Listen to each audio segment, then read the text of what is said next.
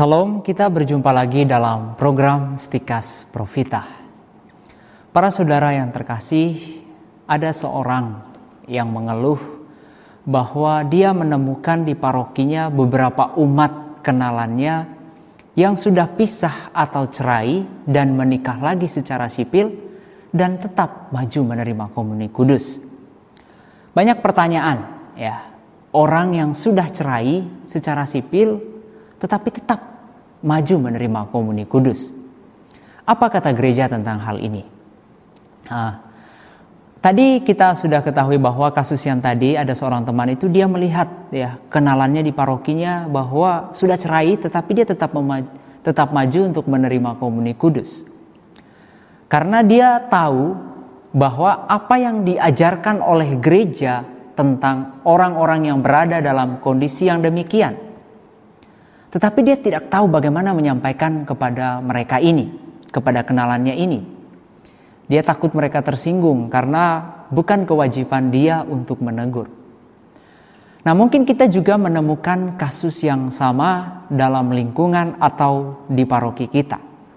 Nah, saudara-saudariku yang terkasih, memang dalam beberapa tahun terakhir polemik mengenai siapa yang boleh terima komuni dan tidak boleh itu sering kali mengemuka.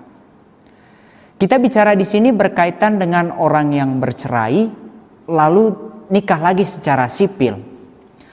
Artinya bahwa pernikahan pertama itu berlangsung secara sah dalam gereja Katolik, lalu keduanya pisah atau cerai, kemudian melangsungkan lagi pernikahan dengan pasangan baru. Nah, tentu saja jelas dengan pasangan baru ini tidak dapat melangsungkan pernikahan secara gerejawi. Ya karena memang dalam gereja Katolik tidak mengenal adanya perceraian. Memang para saudara ada banyak alasan untuk menikah lagi. Singkatnya demikian bahwa orang-orang yang seperti ini itu tidak dapat melangsungkan pernikahannya yang baru di hadapan seorang imam. Nah, memang jalan keluar yang sering kali ditempuh itu adalah menikah secara sipil dengan pasangan yang baru. Karena itu tadi tidak bisa menikah di dalam gereja Katolik. Tetapi apa kira-kira konsekuensi terhadap orang yang demikian? Nah, sekarang kita melihat apa yang dikatakan oleh Yohanes Paulus II.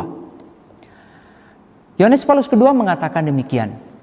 Gereja itu meneguhkan praksisnya yang berdasarkan kitab suci supaya tidak memperkenankan orang yang bercerai dan menikah lagi untuk menerima komuni kudus dalam ekaristi.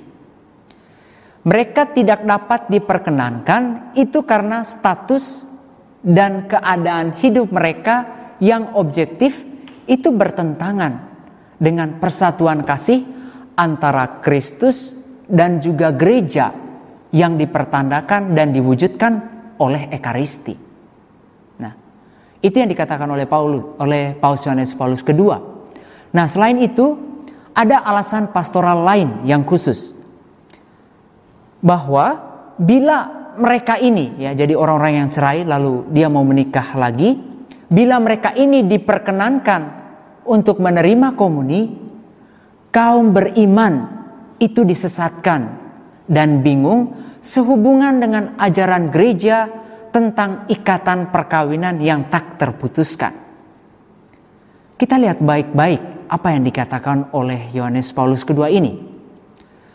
Larangan ini itu berkaitan dengan orang yang menikah tentu saja. Jadi menikah yang sah dalam gereja sebagai nikah sakramen. Lalu pisah dan menikah lagi dengan pasangan yang baru.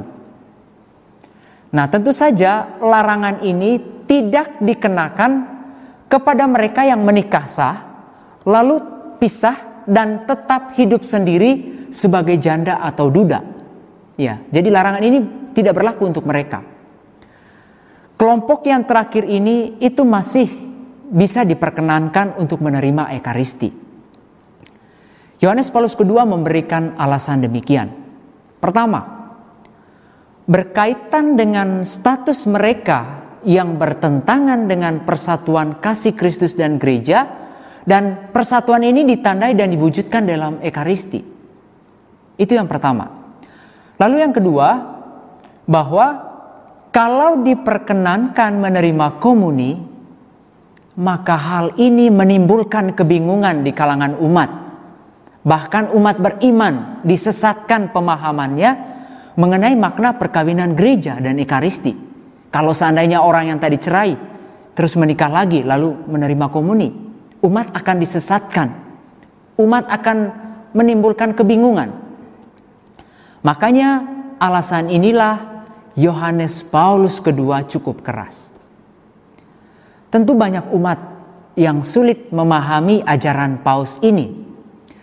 Dan sesungguhnya di kalangan umat banyak juga yang tidak tahu tentang hal ini. Sehingga meskipun menikah lagi dengan pasangan yang baru, mereka tetap menerima komuni kudus.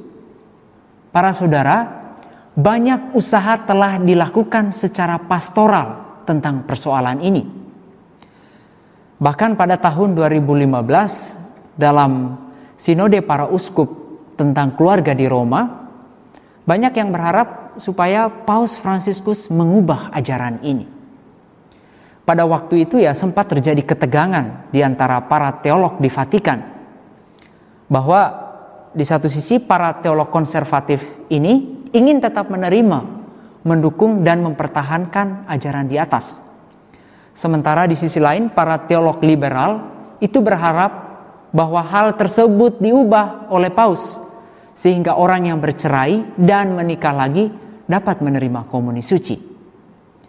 Tetapi nyatanya para saudara, Paus Fransiskus tetap setia pada ajaran di atas dan dia tidak mau mengubahnya. Ya mungkin ada yang kecewa, terutama saudara-saudari kita yang berada dalam situasi yang demikian.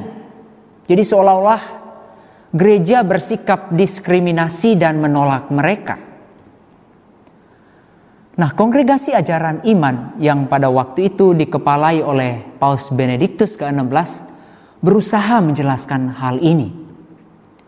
Nah, di sana dikatakan demikian bahwa norma ini itu sama sekali bukan hukuman atau diskriminasi melawan mereka yang cerai dan menikah lagi. Melainkan itu mengungkapkan situasi objektif yang dari dirinya sendiri membuat tidak mungkin penerimaan komuni suci. Nah, situasi objektif yang dimaksud adalah seperti yang dikatakan Yohanes Paulus kedua tadi. Nah, kalau ini bukan sebuah hukuman, maka tidak perlu merasa putus asa atau merasa didiskriminasikan. Kondisi orang-orang yang demikian yang tidak memungkinkan untuk menerima komuni suci. Itulah tadi situasi objektif ini. Karena memang kondisi demikian dia tidak bisa untuk menerima komuni suci. Ini sebagai sebuah konsekuensi karena cara hidup yang demikian. Cerai dan kawin lagi itu sangat bertentangan dengan ajaran gereja. Nah, untuk kita ketahui bahwa kaum beriman yang demikian justru menjadi keprihatinan gereja juga. Mereka ini tidak pernah dikucilkan dari gereja. Mereka tetap diundang gereja untuk berpartisipasi dalam hidup gereja. Tentu saja umat beriman yang demikian harus mengetahui bahwa keaktifan mereka dalam hidup menggereja tidak boleh disempitkan pada soal penerimaan komuni saja. Itu yang penting. Nah, berikut ini kami ingin mengutip apa yang dikatakan oleh Paus Franciscus dalam Amoris Laetitia ini dialamatkan ya kepada saudara dan saudari yang berada dalam kondisi yang demikian. Paus Fransiskus ingin menyapa saudara sekalian. Penting diingat, kata Paus Fransiskus, bahwa orang yang bercerai memasuki perkawinan baru harus merasa bahwa mereka adalah bagian dari gereja. Mereka itu tidak diekskomunikasikan dan tidak boleh diperlakukan seperti itu karena mereka bergabung dengan persekutuan gerejawi. Situasi ini memerlukan perhatian saksama dan pendampingan penuh penghargaan dengan menghindari kata-kata serta sikap yang menyebabkan mereka itu merasa menjadi objek diskriminasi serta mendorong mereka mengambil bagian dalam komunitas. Kepedulian komunitas Kristiani terhadap orang-orang ini, kata Paus, bukan merupakan pelemahan iman dan kesaksian tentang sifat tidak dapat diputuskannya perkawinan. Tetapi justru dengan kepedulian ini, komunitas mengungkapkan cinta kasihnya. Nah para saudara yang terkasih, meskipun saudara-saudari tidak diperkenankan menerima komuni kudus, ini tidak boleh menjadi alasan untuk memalingkan diri dari Tuhan dan gerejanya.